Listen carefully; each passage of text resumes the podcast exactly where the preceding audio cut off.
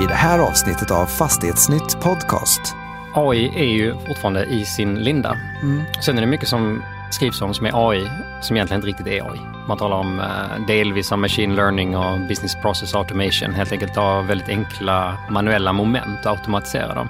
Sann AI är ju när verktygen faktiskt blir bättre och börjar lära sig själv på ett sätt som liknar mänsklig intelligens. Det här avsnittet av Fastighetsnytt Podcast sponsras av Business Arena, Nordens viktigaste mötesplats för fastighets och samhällsbyggnadssektorn.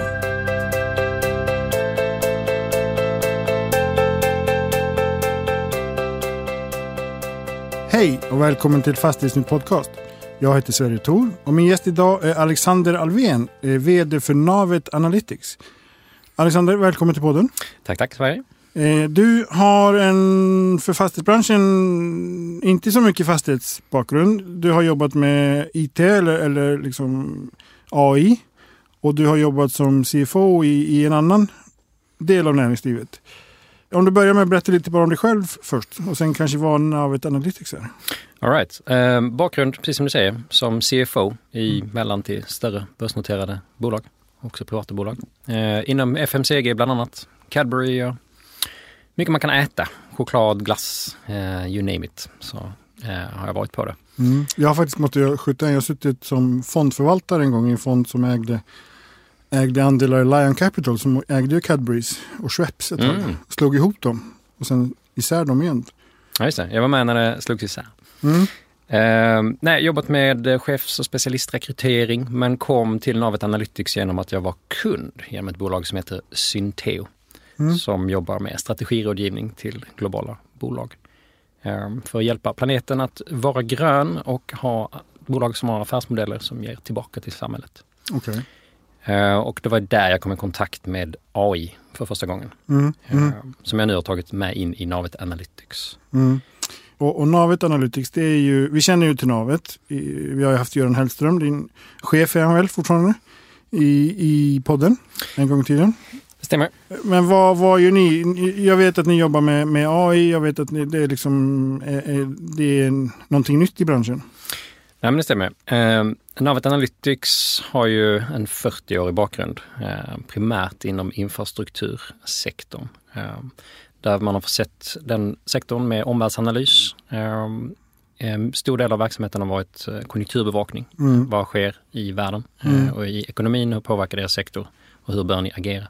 Mm. Till projektutvärderingar, eh, men också sådana saker som framtidsstudier. Eh, Okej. så ser man till kundmassa så är det alla de stora eh, samhällsbyggarna men också branschorganisationer Mm. som Mm. jobbar med betong, jobbar med trä och glas och så vidare. Eh, vilket är väldigt tacksamt. Eh, där vi är en oberoende part. Så vi har olika konstellationer av koncerner som kommer till oss som tävlar med varandra eh, Mm. men kommer ändå till oss och köper omvärldsanalys. Mm. Eh, Mm. och man har gått från den tiden där statistik eh, var svårt att få tag i. Eh, men nu är det inte det längre på Mm. samma sätt. Mm. Mm. Många som fightas om samma datakedjor. Mm.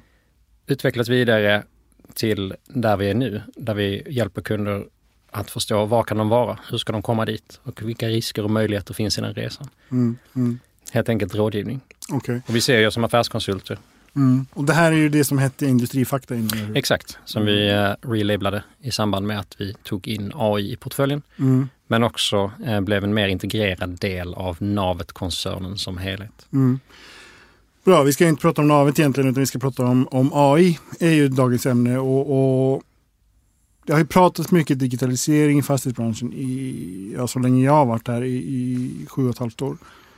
Eh, drygt. Det har pratats om smarta hus, eh, smarta städer, smarta bilar, allt utom smarta människor typ.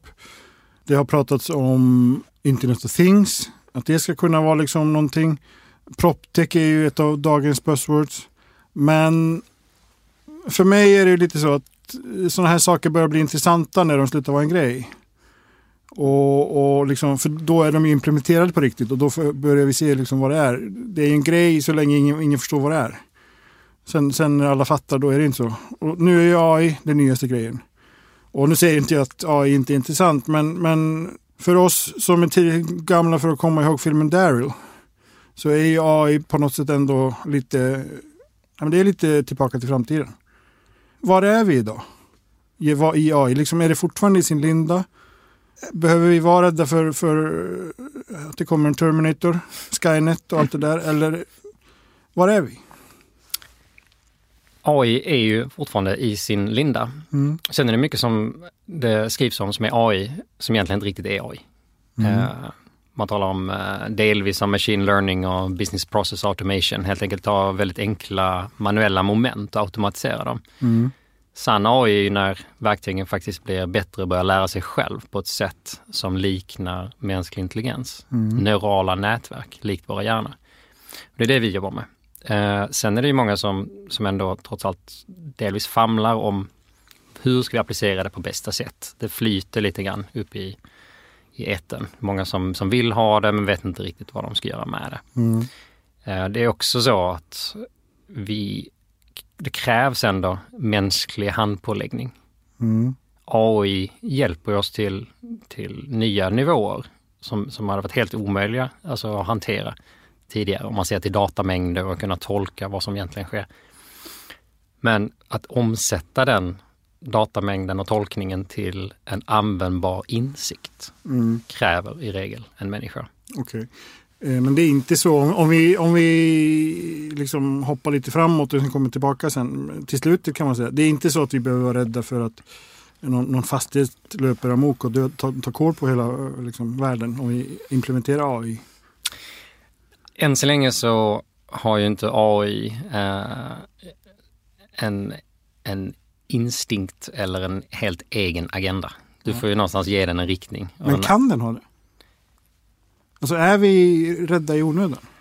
Ja, jag vet att det här är lite flummigt än så länge men vi, vi kommer dit sen. Nej men jag är, det är ju såklart, jag är övertygad om att det, är- att det finns en riskbild som, som eh, ändå kan växa. Men eh, den är inte, vi är inte där än Mm. på, på några år. Det är ju mer när du har AI-system som börjar tävla mot varandra. Mm, mm. För det, det är lite intressant när du nämner det. För det, det finns ju, uh, trogna lyssnare vet ju att jag gillar schack och, och spelar schack. Mm. Och där har vi sett någonting som heter Alpha Zero. Som, som Google tog fram som är en AI som fick fyra timmar att lära sig, eller fick lära sig reglerna i schack, alltså hur pjäserna går. Mm. För det är ju också inte, man måste ju sätta begränsningarna. Och vilka begränsningar som finns. Sen fick den fyra timmar att eh, spela mot sig själv.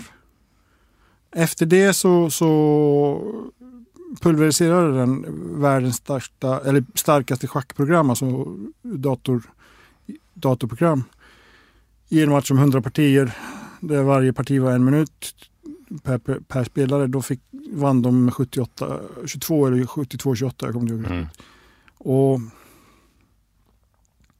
det, var ju, det, det skickade ju svallvågor genom, genom schackvärlden. Det har ju ryktats om att nu att han Magnus Carlsen som är världens bästa schackspelare sitter och tränar med, med Alpha Zero. Har fått liksom tillgång till det av, av, Apple, eller av Google. Han, han gjorde fantastiska resultat första halvan det här året och då var ju liksom, gick ryktena varma. Så det är väldigt intressant med maskiner som tävlar mot varandra. Och där har ju AI visat sig överlägsen vanlig liksom bara kalkylationskapacitet. Absolut. Och sen är det ju beroende på omständigheten också, hur mycket indata finns Mm. egentligen. Mm. Sättet som vi använder AI på är ju som ett mellanled. Vi är ju människor som vill förstå människor. Mm. Det som vi kallar för digital etnografi. Okej. Vad sker i samhället? Mm. Etnografi är ju att förstå olika samhällstyper och kulturer. Mm. Mm. Varför agerar människor som de gör? Mm. Om vi går nu dit, går till liksom det som är pudelns kärna idag. Eh, som är ju AI i fastighetsbranschen. Eh, förstå människor, allting handlar ju om människor Mm. egentligen. Eh, du och jag, när vi pratade inför den här podden för, för några veckor sedan, då snackade vi liksom om konjunkturprognoser och sådär. Kan det bli sämre än vad det är idag om man säger så? Kan väl bara bli bättre? Konjunkturen som sådan, eller tänker du på Ja, och tabba? prognoserna och vår, vår, liksom, vår förståelse av det här. Alltså det där är ju beteende finance egentligen, eller be- behavioral finance, beteendeekonomi. Mm. Ehm, vi har ju parametrar. Ehm, det finns ju en etablerad metodik till att räkna fram och se och blicka vad Mm. konjunkturen, eh, hur de kommer att vika eller inte. Mm. Men igen, den är ju någonstans begränsad i sin input. Mm. Var börjar den någonstans? Mm. Var börjar snöbollen eh, växa Mm. som rullar ner för backen? Eh, det är det som vi kan börja se, eh, är jag övertygad om, eh, i, i på ett mer dynamiskt, bredare sätt med fler parametrar med hjälp av AI. Mm. Behöver AI göra antaganden? Absolut, en del. Mm. Okej, eh, det- blir väldigt intressant att se. Det här kan vi prata om känner jag hela dagen. Men, men om vi, om vi, nu försöker jag dra mig tillbaka. Det är jag som svävar iväg men, men jag tycker det är otroligt fascinerande. Alltså rent praktiskt, vad, vad kan, alltså var idag ser du användningsområden i ett vanligt fastighetsbolag för AI? I ett vanligt fastighetsbolag, eh, vi använder ju AI på, eh, till, till mer än just fastighetsbolag. Mm. Eh, vi hjälper ju bolag i FMCG, eh, folk som gör allt från schampo till eh, konsumentelektronik till hjälporganisationer. Eh, och ser man AI så som vi använder det så kan vi ju skapa en väldigt rik bild av olika demografier i samhället. Mm. Och det går att applicera på, på många olika sätt. Det går att applicera i ett fastighetsbolags marknadsföring exempelvis. Mm. I att bättre nå, om det är nu det man gör. Om man ska konceptutveckla eller liknande. Men om du ska se på var någonstans du ska investera exempelvis. Då kan du ju få en, en rik bild av vad som sker i olika områden. Vad finns det för typer av beteenden? Hur ser rörelserna ut? Vad är det för målgrupper som söker sig till olika områden? Mm. Vad är egentligen viktigt? Och då kan du göra en etableringsanalys där. Mm. Samtidigt också hitta eh, tvillingkommuner eller områden i en stad. Mm. Vi gjorde ett arbete med ett bolag som eh, har coola coworking spaces, eh, Mm. väldigt inne att ha. Och de vill ju förstå, som ett exempel här då, vad är det för typ av målgrupp som konsumerar det? Vad är viktigt för dem? Mm. Så lyssnar man in på hela det digitala ekosystemet, allt som skrivs, allt som söks, alla bilder som delas. Vad kan vi egentligen utläsa eh, kring de olika målgrupperna knutet till coworking spaces eller arbetsmiljö rent allmänt? Mm. Vad är viktigt för människor? Och då bröt man ut eh, x antal parametrar och fann en del saker som i det här exemplet musik var väldigt viktigt för just den målgruppen. Så Mm. byggde man in det i sin konceptutveckling. Men sen så var någonstans du etablera den här verksamheten? Vad är det mest optimalt? Ja, då lyssnar du in på London och hittar en likartad vibe. På de här fem olika platserna i London så Mm. ser vi att det finns målgrupper som är eh, i linje med de som skulle vara våra köpare.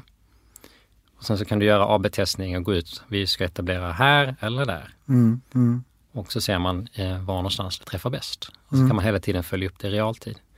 Så det vi har är ju i stort en, en levande fokusgrupp fast utan begränsningar. Mm. Mm. Där vi lyssnar in på samhället. Mm. Och då skannar ni liksom etern om man säger så?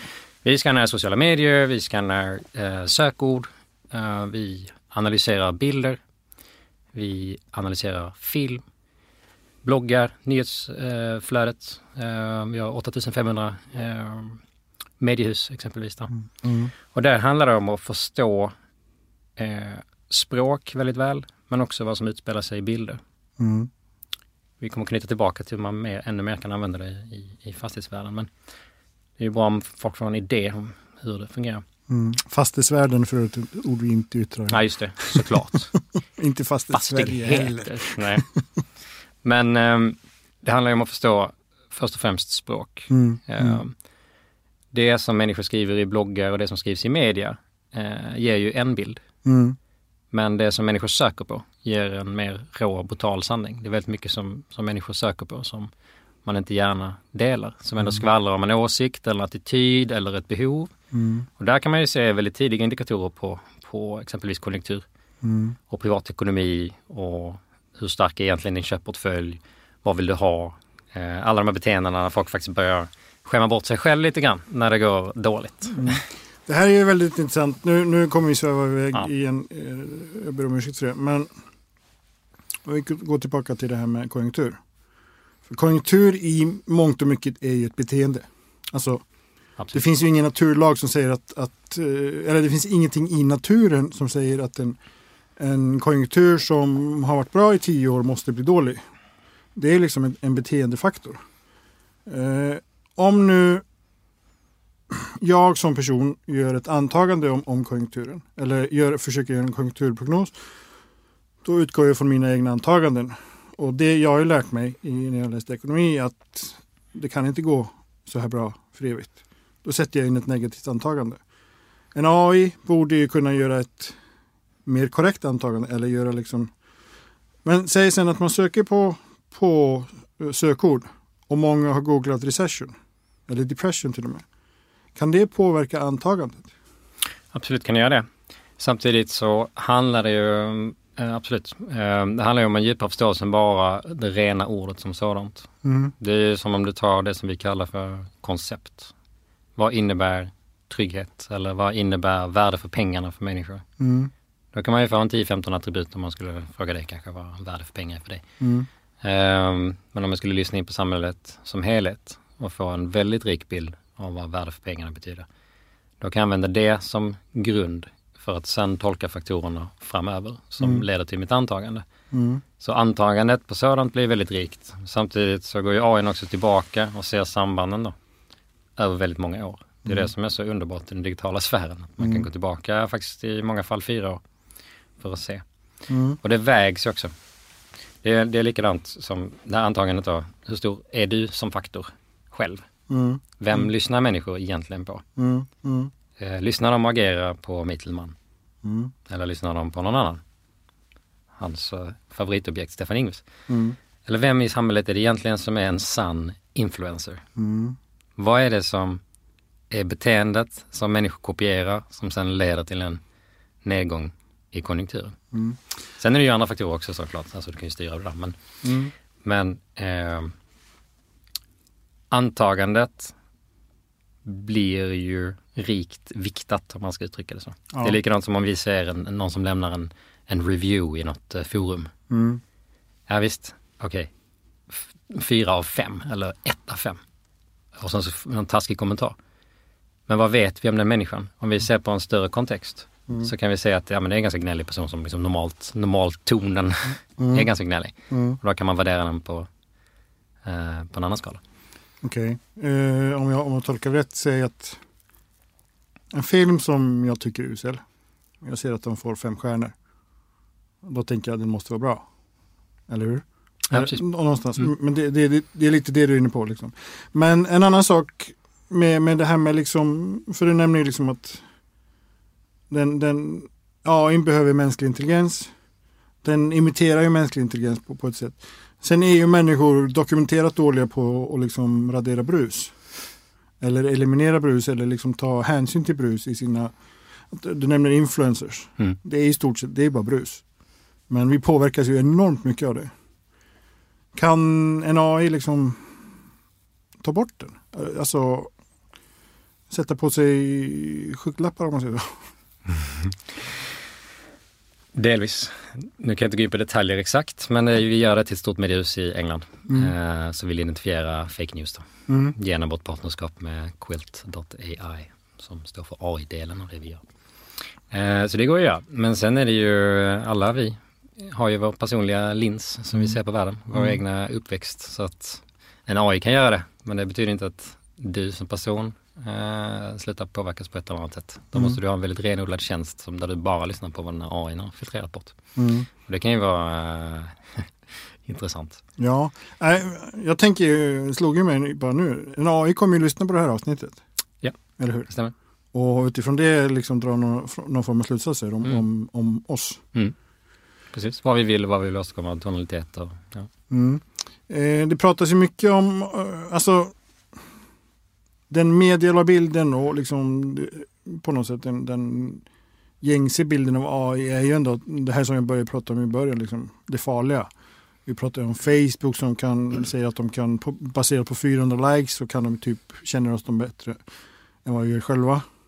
Det pratas om den granskning som DN gjorde i våras om, om liksom när man får, får tillgång till platsdata, vilket jag antar att ni, ni också får tillgång till. Mm, absolut. Kan de ju liksom identifiera en läkare som, och typ vilka operationer han har gjort på, på fem minuter.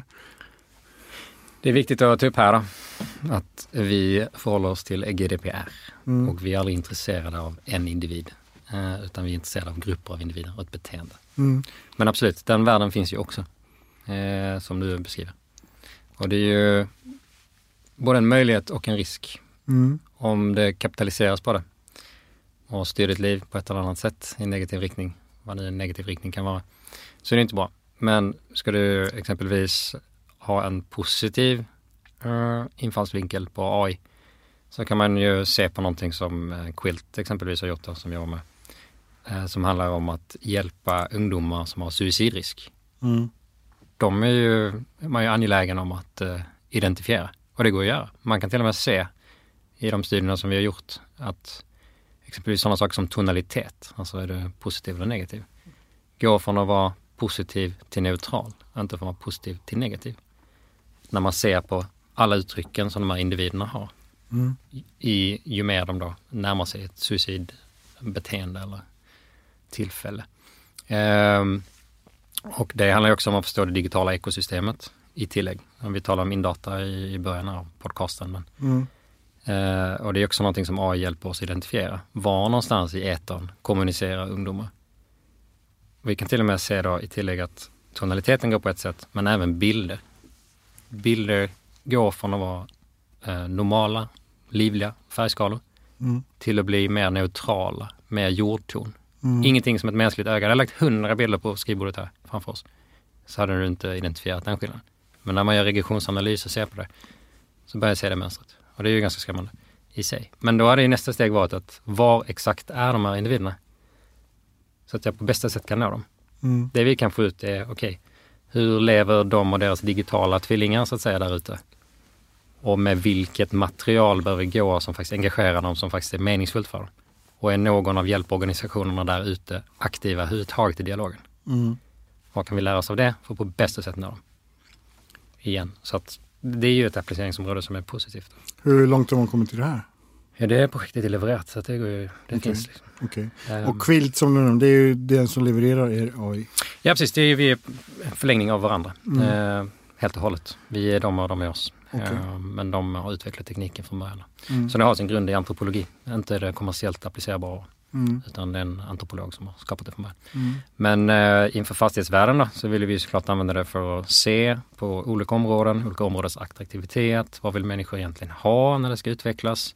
Var någonstans är det optimalt om du talar om gentrifiering eller annat. Mm. Mm. Men också, eh, för, för, ser man på fastighetsvärdering så är det mycket annat som spelar in. Ja, vi ska ju prata fastighetsvärdering på Business Arena och det här avsnittet kommer ju skick, eh, liksom ut i etern efter att vi har pratat om det. Vi kommer ju prata om det Mm. i morse om man säger så. Mm. Eh, Men, men det, där finns det ju enorma, kan jag tänka mig, för där bygger det väldigt mycket på antaganden. Det bygger väldigt mycket på ja, men magkänsla. Mm. Eh, och, och den kan ju vara, alltså det beror ju på, lite på dagsformen också. Mm. Förlåt alla värderare. Men hur mycket mer noggranna kan, fastighetsvärderingar bli om man har en AI som gör det? Det är en väldigt konkret fråga, så därför tänker jag inte svara med någon konkret skala. Den kan ju definitivt bli mer eh, rik som eh, parametermässigt. Men det finns ju två huvuddelar där. Alltså dels är det att använda AI i det själva praktiska förfarandet för att förenkla verkligheten. Då, Mm. För att slippa göra många av de här manuella stegen. Sen är inte all data som är tillgänglig i alla fall. Eh, utan det måste ju ändå manuellt samlas in. Ibland bör det, göra, eller det, det bör ju göras en okulär besiktning av någon som faktiskt besöker en, eh, en fastighet. Mm. eh, för att sätta ett rimligt värde. Då. Men det kanske kommer i framtiden med drönare och, så vidare som, som Mm. gör och förser med en objektiv input. Men sen den andra delen då, att sätta det i relation över historik och se på exempelvis konjunkturen, se på hur olika områden har utvecklats över tid. Vad är det för typ av eh, demografier? Och då talar jag inte bara så här, ung kvinna 18 till 24, välutbildad, bor i storstad, högt kapital, hög transaktion, utan hur lever hon och hennes digitala likar och var är de någonstans? Mm. Om det nu är liksom en faktor i att ett område blir väldigt populärt. Mm. Du kan få en, ja, man kan bryta ut det på, på väldigt många olika demografier. Så att du kan få grupper med olika beteenden som kan driva ett fastighetsvärde. Mm. Exempelvis. Mm. För att ett område ökar eller minskar i popularitet. Mm. Mm. Det är en möjlighet. Mm. Det är en sak som jag tänkte vi skulle avsluta med, det är de här trygghetsfrågorna. Du nämnde ju det här med gentrifiering och, liksom, och områden och sådär. Eh, Men, men jag har lite andra saker först som jag tänkte. Alltså en är ju sån här, apropå det här med liksom, att AI är beroende av mänsklig intelligens idag. Mm. Och det kommer väl fortfarande vara hoppas jag. Ett tag, ett tag till. Men Modellerna måste ju valideras också. Mm, mm. För det har ju gjorts försök med att, det blir ju väldigt cyniska, men hjärntvätt om man säger så, på människan. Alltså, vi, vi sätter in begränsningar på, på vad en, en människa, eller försöker sätta en begränsning på vad en människohjärna kan, kan liksom, ja, tänka och sådär. Komma fram till. Eh, kan man göra det med, alltså kan man begränsa en AI? Så att den, om om man liksom säger så här, för att hindra att den löper amok kan vi ställa in en liksom så här, du kan inte göra det här. Du får inte göra det, en regel. Är vi tillräckligt kreativa då? För att den regeln ska vara för evigt giltig. Mm. Jag tror det kommer vara en av utmaningarna framöver. Eh, absolut. Sen Mm. AI kommer ju lära sig exponentiellt Mm. och sannolikt hitta en, eh, en omväg. Mm. Eller då kontakta en annan AI som inte har den begränsningen. då har du ditt domedagsscenario. Jävla internet. Men då är vi, vi är ju inte där imorgon.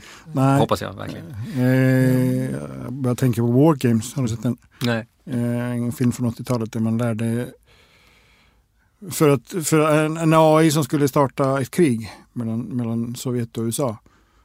Ett, ett kärnvapenkrig. Och då, det enda sättet att förhindra den var att lära den spela luftfartschack. För då, det går ju inte att vinna om man spelar rätt. Liksom. Mm. Köra repetitionen på den. Så slut, ah, fan det går inte att vinna. Då, slut, då lägger jag ner. Det är en spännande värld. Vi blir eh, förvånade varje dag. Det är Mm. likadant som, ja, som du sa, trygghet då. Mm. Som faktiskt var en av eh, en faktor, ett koncept vi tittar på i samband med en studie vi gjorde, Insikt Skandinavien, som vi släppte i Almedalen. Mm. Och där, där kan det skilja sig väldigt mycket åt. Vad är trygghet för olika grupper? Och där tittar vi på samhället stort, men sen så kan vi faktiskt vara nere på stadsdelsnivå. Mm. För vi kan själva som individer ha en författad mening om vad det egentligen innebär eh, för människor och hur det kan skilja sig åt från olika områden. Mm. Men ack så fel man kan ha också. Mm. Mm. Och det är väldigt mycket, tänk dig en bisvärm också av, av ord och begrepp som folk associerar till ordet trygghet i olika typer av kontexter. Eh, där är det mycket som, som jag inte själv hade kanske associerat med, med trygghet. Mm. Mm. Och igen, det är då man börjar förstå människor i stor skala. Mm. Kan man med hjälp av, av teknologin göra det som psykologin har missat eller inte har klarat att förstå människor? Liksom, inte fullt ut kanske, men... men Jättebra fråga. mm. Det är hur långt vi kan komma. Trots allt är vi människor som vill förstå människor. Mm. Jag tror eh, gruppdynamik och gruppbeteenden kommer ju sannolikt en AI kunna prediktivt se komma. Det är likadant som eh, i annonsvärlden redan Mm. i dagsläget. Det är ju rätt många personer som tror att ah, min telefon, det måste varit någon mikrofon som har spelat in det. För hur kan den veta att jag skulle resa till det här resmålet? Jag har ju bara tänkt tanken. Men det är prediktiv analys. Okej, nej, nu, nu har jag faktiskt eh, ett, ett exempel, ett, ett eh, konkret exempel. Vi hade en AV på jobbet i våras. Eh, där fanns det en drink som jag aldrig hade hört ens pratats om. Och jag sa liksom, vad va, va, va, Aperol? Spritzer eller någonting. Min kollega Vad- Magnus favorit. Ja, vad, vad är Aperol Spritzer? Sa jag till en kollega. Ja, hon beskrev det. Går jag in på Facebook. Vad är det första jag ser? En annons för Aperol Spritzer. Ja, ser. Ja, det måste ha varit en mikrofon. Ja. Eller så var det prediktivt. Eller så var du på den platsen. Samma i Spotify när, när samma låt kommer varje dag och ingen annan av mina tusen låtar på min spellista spelas någonsin. Jättekonstigt.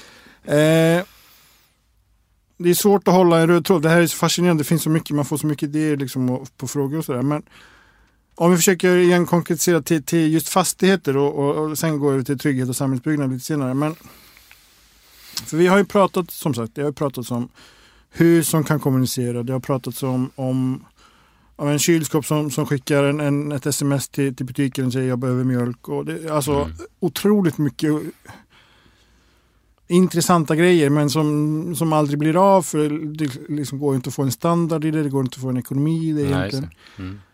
Alltså typ det här liksom kommunikationen mellan fastigheter eller, eller vad kan jag spara i driften på en fastighet? Om en fastighetsägare kommer till dig med en sån liksom enkel fråga egentligen som är inte så enkel. Men, Eddie har ju inte riktigt det appliceringsområdet då med, med vår AI. Men, men det går alltså, att göra det med AI? Ja men absolut. Så det är ju bolag som gör det där ute. Uh, man läser alla de stora branschtidningarna och ser lite grann. Så är det, ju, det är ju mer avancerad reglerteknik. Uh, vi är ju, ja, har ha någon fastighetsskötare som går runt och manuellt skruvar på ventiler hela tiden. Uh, ja, det är långt ifrån optimalt. Mm. Um, och det är fortfarande mycket i fastighetsvärlden som fungerar väldigt bra på, nu använder jag det ordet igen. Jag får be Mats uh, bipa ja, dem. Får bipa dem. som, uh, som fungerar bra på en ritning som egentligen inte riktigt fungerar i verkligheten. Mm. Det byggdes inte exakt så. Kraven är rätt höga i, i installationen som sådant. Mm. Sen ska det någonstans ställas in när det ska optimeras så det följer en fast kurva. Om du talar om värme eller luft eller vattenåtgång eller vad det än må vara. Uh, men absolut, det kommer komma och finns färdigpaketerat. Så. Jag tror mer på mycket av det här prediktiva. Mm. Ska du tala om energi, man kan mm. glida in på allt möjligt. Här. Så kan du ha en extremt lokal väderprognos som säger att ja, men, din västra sida av huset eh, kommer snart droppa en och en halv grad. Liksom. Därför mm. bör det göras si eller så. Eller det är åtta personer i byggnaden. Ska du liksom värma byggnaden eller ska du värma människorna? Om man ska vända det. Mm. Eller kyla dem för den delen. Mm. mm. Så en, en, en en fastighetsskötare med snus och Gällivare häng kommer inte finnas i framtiden? Jo, absolut. Eh, det kommer det. Någon behöver ju åka dit och, mm. och greja med grejerna helt enkelt. Okay. Sen kan ju kanske rollen förändras lite grann. Mm. Att det blir en del övervakning uh, av system och, och, så. Men människor blir inte överflödiga? Nej, mm. det tror okay. jag inte. Men rollen kommer ändras. Okej, okay. okej. Okay. Det börjar bli dags att runda av. Eh, men vi får ge oss en tio minuter till tycker jag minst och prata om, om just det här med trygghet. För det det här har ju hänt mycket nu senaste veckorna bara. Eh, om vi liksom lämnar den här frågan om, om brottslighet har blivit sämre eller kriminaliteten har ökat. Eller, det, det liksom, ja. vet inte jag. Eh, statistiken talar emot det. Men mm, precis. Brottslighet i media har ökat. Mm. Om man säger så. Mm. Grov brottslighet, skjutningar, det har skjutits kvinnor en med barn på armen, en som var liksom helt orelaterad till det som någonting som hände också. Det har varit skjutningar i, i Nacka, i Malmö, i Värnamo är faktiskt en stad i Sverige tror jag som har flest skjutningar per capita per år. I Värnamo? Ja, okay. det är jättemärkligt. Ja, det är märkligt. Men det, det brukar ju sägas att eh, trygga områden är områden där det finns mycket, mycket liksom folk. Mm. Där folk rör sig. Eh, det är någon AI som släckte ljuset. eh, Skrämmande. De lyssnar. Eh, vi pratar om väldigt allvarliga saker också. Så här.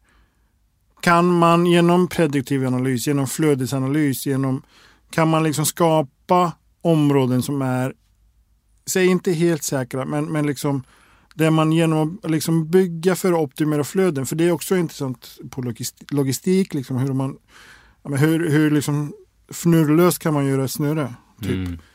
Kan man med hjälp av AI skapa ett tryggare samhälle?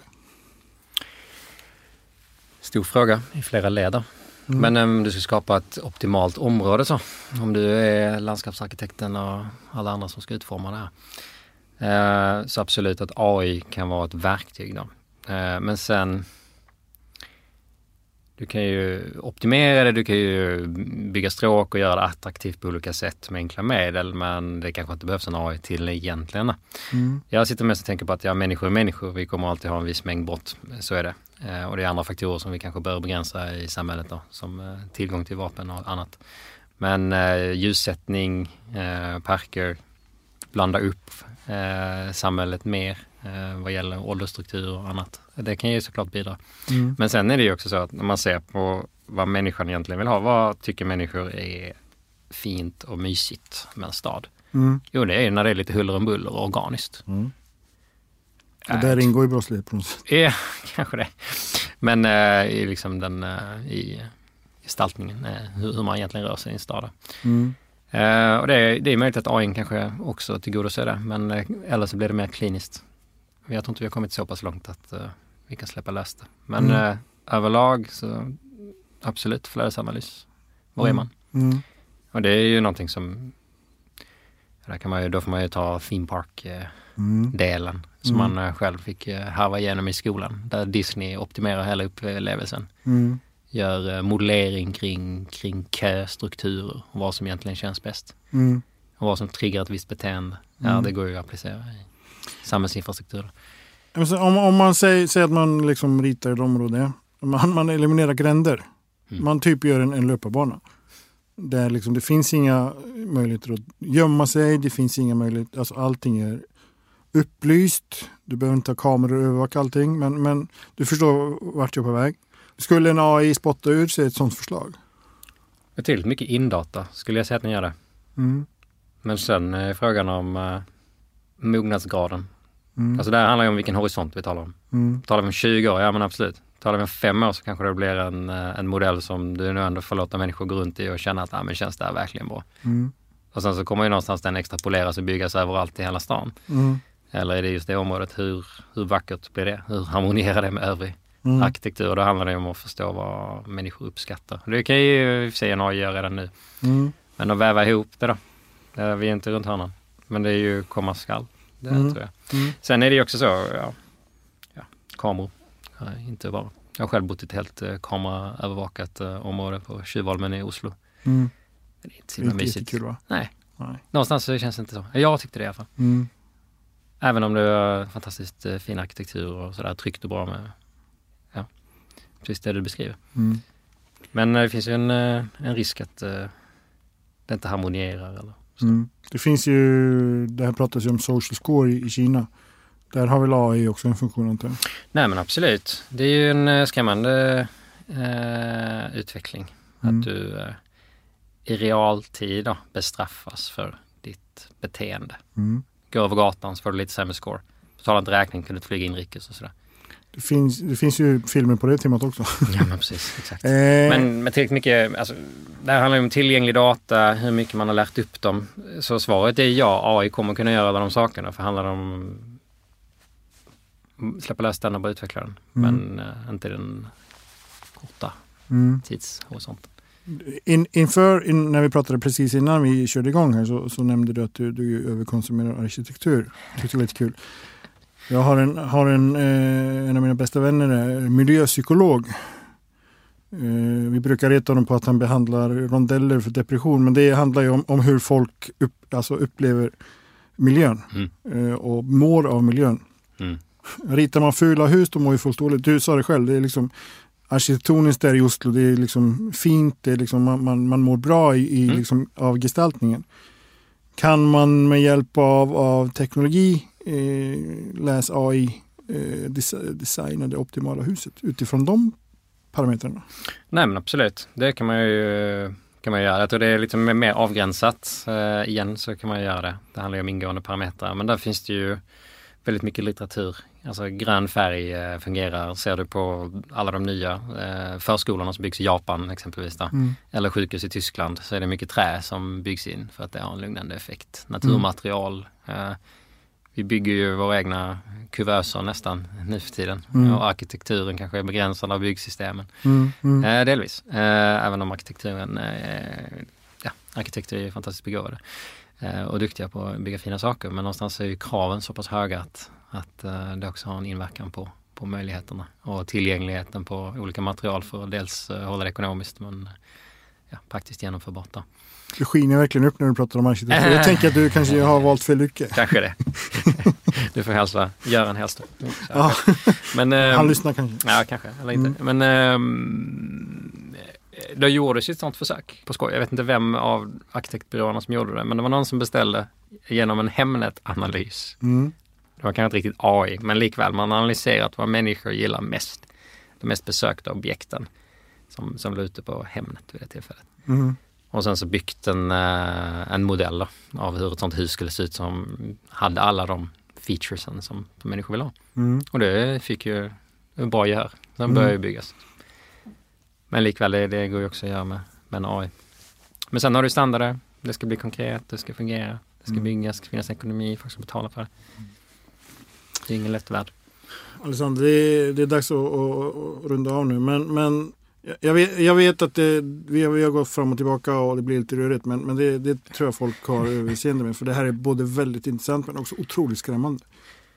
Ja. Kan du hålla med om det? Nej men absolut, jag tycker det är, ja det håller jag med. Mm.